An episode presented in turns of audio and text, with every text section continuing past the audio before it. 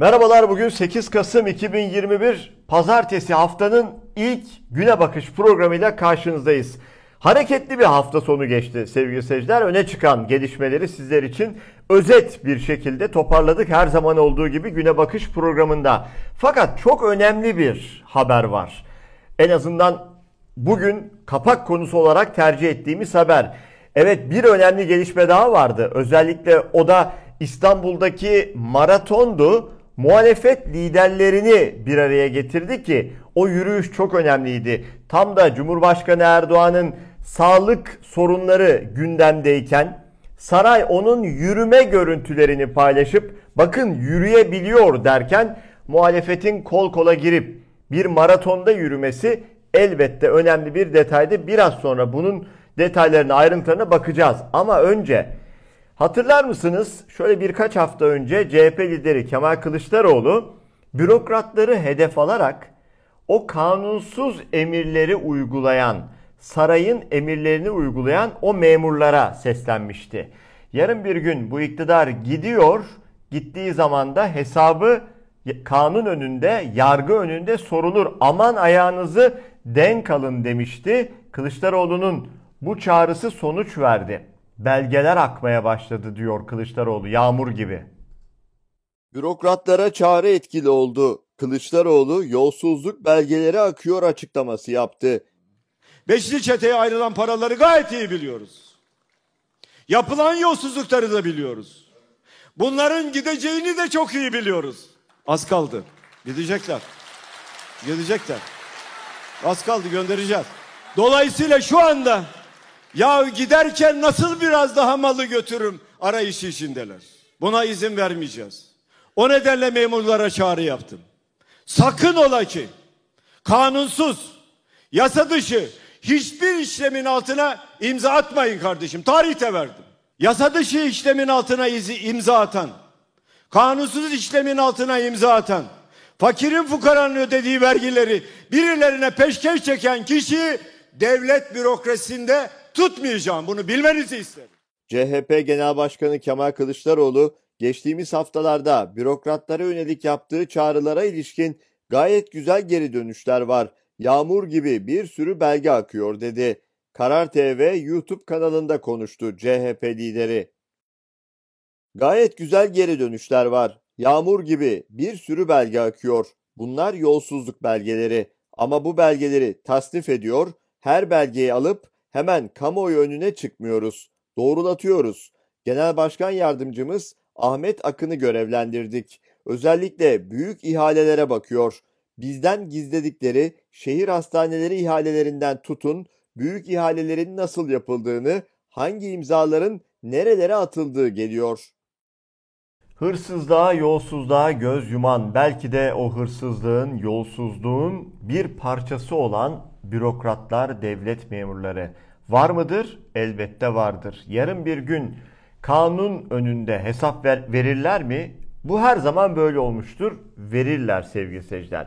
Bununla birlikte belki bir tık daha önemlisi insanların hayatını yakan devlet görevlileri var.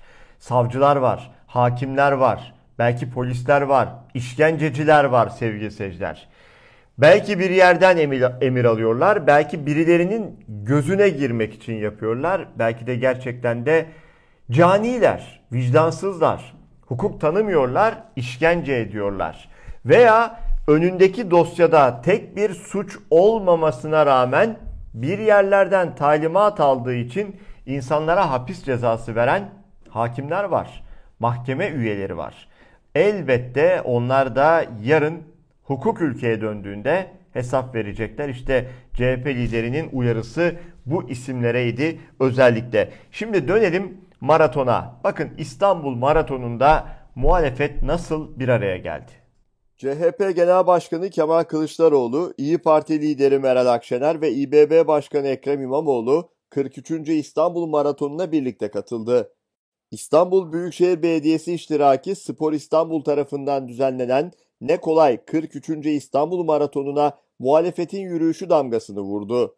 Maratona CHP Genel Başkanı Kemal Kılıçdaroğlu, İyi Parti lideri Meral Akşener ve İBB Başkanı Ekrem İmamoğlu yan yana katıldı. Kılıçdaroğlu, Cumhuriyet'in kuruluş yılı olan 1923'ü, Akşener'de Cumhuriyet'in 100. yılı olan 2023'ü göğüslerinde numara olarak taşıdı. Üç isme 1919 göğüs numarasıyla CHP İstanbul İl Başkanı Canan Kaftancıoğlu ve İyi Parti İstanbul İl Başkanı Buğra Kavuncu eşlik etti. Evet bu maratondan çok anlam çıkarılabilir mi? Çıkarılabilir ki zaten bazı açık mesajlar var sevgili seyirciler. O göğüslerinde taşıdıkları numaralar. 1919'lar, 2023'ler vesaire bu numaralar var. E, bunlarla gereken anlamlar gereken yerlere gitmiştir. Bir de elbette programı açarken de söylediğim gibi o bir araya gelip bir yürüyüşte bir şekilde gövde gösterisi yapmak.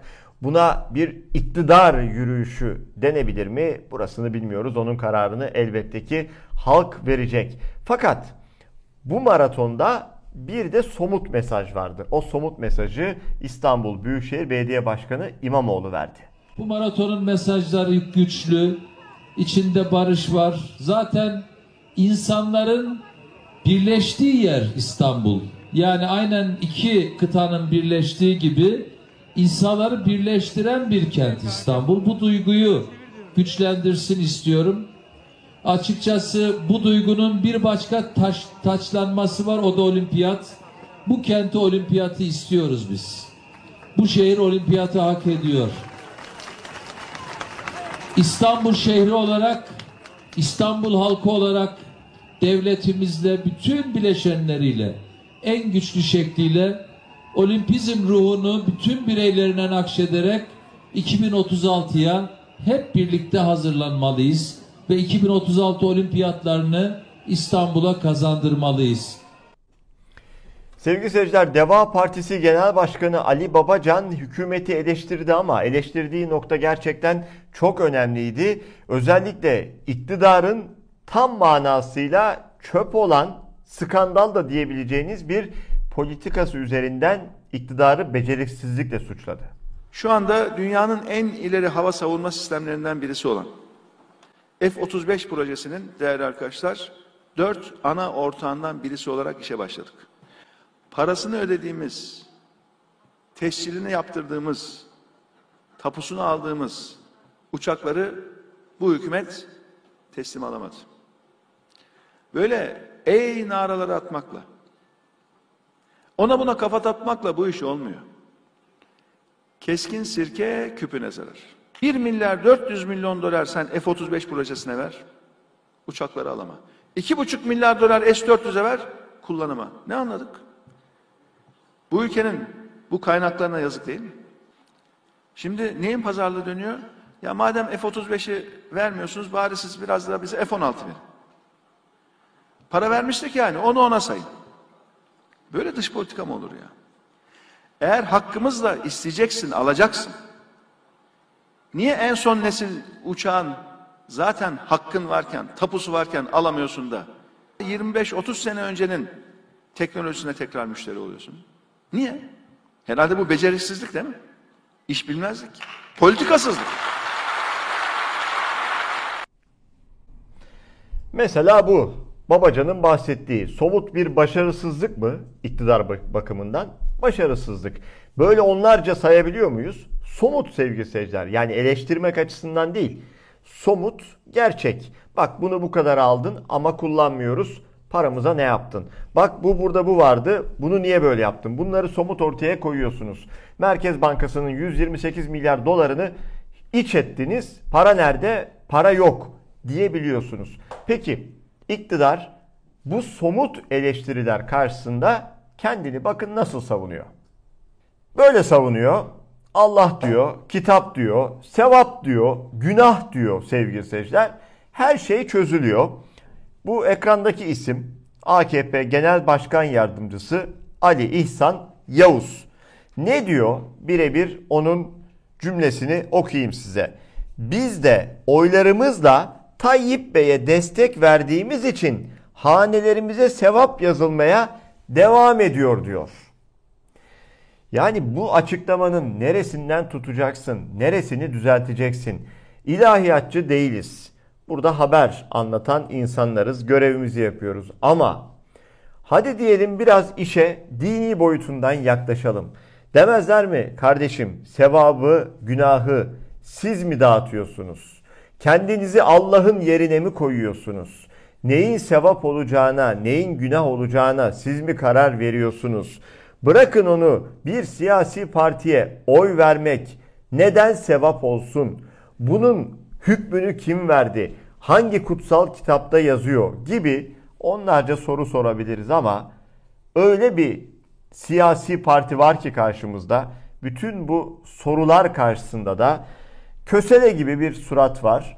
Hiçbir şekilde ne bozuluyorlar, ne alınıyorlar, ne rahatsız oluyorlar. Kendinizi Allah yerine mi koyuyorsun diyorsun. Ama resmen öyle yapıyorlar. Tık yok. Böyle de bir iktidarla karşı karşıyayız. Sonra bu sevaptan günahtan bahseden iktidar. Bize oy verdiğinizde, AKP'ye oy verdiğimizde, Erdoğan'a oy verdiğimizde sevaplarımız yazılmaya devam ediyor diyen iktidar bakın devlette nasıl kadrolaşıyor, nasıl paralel bir yapı kuru, kuruyor. Bunu da nereden görüyoruz? Son olarak birçok yerden görüyoruz ama TÜGVA belgelerinden sızıntılar devam ediyor. Gazeteci Metin Cihan kamuoyuna ilk duyurmuştu ve o eline geçen TÜGVA belgelerinden ufak ufak paylaşımlar yapmaya devam ediyor. Şöyle demiş, TÜGVA sızıntısı belgelerinin bittiğini düşünürken yenisi geliyor. İl ve ilçe temsilcileri inceleme adında bir dosya var. Tüm il temsilcileri fişlenmiş. Şu kısmı özellikle kesip paylaşıyorum. Muş'ta il temsilcisi valiye sorun yaşayınca valinin görevden alınmasını rica ediyor. Bakın yer Muş, isim yazıyor Tahsin Oran. Fişleme notunda aynen şöyle geçiyor. Kadem yüzünden valiyle arasının bozulduğu biliniyor. Valinin görevden alınması noktasında ricası var. Süreci Recep Can takip ediyor. Yani bir devlet yapılanması bu hale geldiyse bir vakıf dediğiniz TÜGVA bu denli valileri görevden alacak hale gelmişse buna bir paralel yapılanma dediğinizde kızıyorlar, alınıyorlar. Ama bu tam da bir paralel yapılanmadır. Bakın bir tartışma yaşamışlar bir konuyla alakalı. Valinin görevden alınmasını istiyor ve bu fişleme notunda ortaya çıkıyor. Hemen altına geçelim. Bu da aynı derece korkunç. Aykut Kanıcı ismini görüyoruz. Yer Tokat. Savcı olarak atandı. Yerine birisi bakılıyor. Validen isim bekleniyor denmiş. Savcıyı atamışlar sevgili seyirciler. Savcıyı. Savcının atanmasına TÜGVA karar vermiş. Şimdi onun yerine de birisi bakılıyormuş. O birisini de vali ismini açıklayacak da uygun birini seçecek de onu getireceklermiş. Valisi bir yerden, savcısı bir yerden. Bunlar sadece birkaç tane e, bu TÜGVA belgelerinden sızan evraklardan seçtiklerimiz. Metin Cihan'ın sayfasını takip edip orada daha bu evrakların birçoğunu paylaştı. Tek tek isim isim, il il bu fişleme notlarında neler yazıyor onları da yakından takip edebilirsiniz. Evet bunlar bu şekilde devlete çöreklenmişken vatandaş da hayatta kalmaya çalışıyor. Ekonomik şartlar altında eziliyor. 3 kuruş maaşa yaşamaya çalışıyor. İşsiz kalıyor, iş arıyor, iş bulamıyor. Çünkü iş bulmada da bu gibi tipler, iktidar yandaşları etkin olduğu için normal bir vatandaşa sıra gelmiyor. O koltuklar çünkü doluyor, dolduruluyor hak etmeyen birileri tarafından. Peki ne oluyor? Bakın 5 milyon kişinin doğal gazı kesilmiş. 5 milyon vatandaşın. Türkiye'de faturasını ödeyemediği için elektriği ve doğalgazı kesilen milyonlar varken Enerji Bakanı hala fiyatların ucuz olduğunu iddia etmişti. CHP Genel Başkan Yardımcısı Ahmet Akın, Enerji ve Tabi Kaynaklar Bakanı Fatih Dönmez'in Avrupa'nın en ucuz doğalgazı Türkiye'de açıklamasına tepki gösterdi. Akın 2018 yılıyla Mayıs 2021 arasındaki 3,5 yıl boyunca 5 milyondan fazla abonenin doğalgaz faturasını ödeyemediği için kesildi. İktidar bir yandan vatandaşa kombiyi kıs diyor, diğer yandan ucuz diyor. Vatandaşın aklıyla alay mı ediyorsunuz diye konuştu CHP Genel Başkan Yardımcısı Ahmet Akın. Cumhurbaşkanı Erdoğan geçtiğimiz günlerde bu tarım kredi kooperatiflerine uğramıştı. Çok ucuz demişti burada fiyatlar. Bir de sepet doldurmuştu güya. Vatandaşlarımız demişti buraya gelip rahat rahat alışveriş yapabilirler demişti. Sonrasında o işin öyle olmadı. Hiç de fiyatların ucuz olmadığı ortaya çıkmıştı. Bakın dahası da var. Yol TV aktarmış Erdoğan'ın ucuz bulduğu tarım kredi kooperatifi yağ satışını bir adetle sınırlandırdı. İşte yağların üzerine asılan o not. Değerli müşterilerimiz sıvı yağ alım çeşitlerimiz bir adetle sınırlıdır. Ülkeyi ne hale getirdiniz diye sorduğunda insanlar kızıyorlar. Ülkeyi işte bu hale getirdiler. Marketlerde pahalı ürünlere alarm takıldığı, peynire filan alarm takıldığı bir dönem Türkiye. Yağlar böyle tek tek satılıyor. Böylesine bir dönem sevgili seyirciler. Bugünlerde bu şekilde kayıtlara geçecek. Cumhurbaşkanı Recep Tayyip Erdoğan'ın tartışılan diploması. Şöyle olmayan diploması diyecektim ama var mıdır yok mudur buna biz karar vermeyelim. Sadece bulunamayan üniversite diploması diyelim. Bakın Halkın Kurtuluş Partisi paylaşmış. Bilgi Edinme Değerlendirme Kurulu Tayyip Erdoğan'ın diploma bilgisi talebimizi özel hayatın gizliliği gerekçesiyle reddetti diyor. HKP'den yapılan açıklama. HKP bunu resmi yollarla e, başvuru yaparak sordu sevgili seyirciler. Sordu. Aldıkları cevap bu özel hayatın gizliliğiymiş. Ülkenin Cumhurbaşkanı, ülkenin Cumhurbaşkanı, Cumhurbaşkanı olabilmesi için üniversite mezunu olması şartı var. Bu özel hayatın gizliliği değildir. Bu Cumhurbaşkanının özel hayatı değildir. Bütün milleti ilgilendiren bir meseledir. Çünkü eğer o Cumhurbaşkanının üniversite diploması yoksa bir kere şu anda o koltukta zaten oturmaması gerekir. Ama verdikleri cevap bu özel hayatın gizliliği. Tabi akla şu geliyor. Eğer Cumhurbaşkanı Erdoğan'ın bir diploması olsaydı, üniversite diploması, bu bilgi edinme, değerlendirme kurulu bu talep üzerine ne yapardı? Çat diye diplomayı çakardı, gözümüzün içine içine sokarlardı. Evet bu haberle birlikte bugünün güne bakışını noktalıyoruz. Günün ikinci yayını Tarık Toros'ta manşet olacak Türkiye saatiyle 17'de. Yarın sabah yine salı sabahı Türkiye saatiyle 9'da bu ekranlarda buluşmak üzere. Hoşçakalın.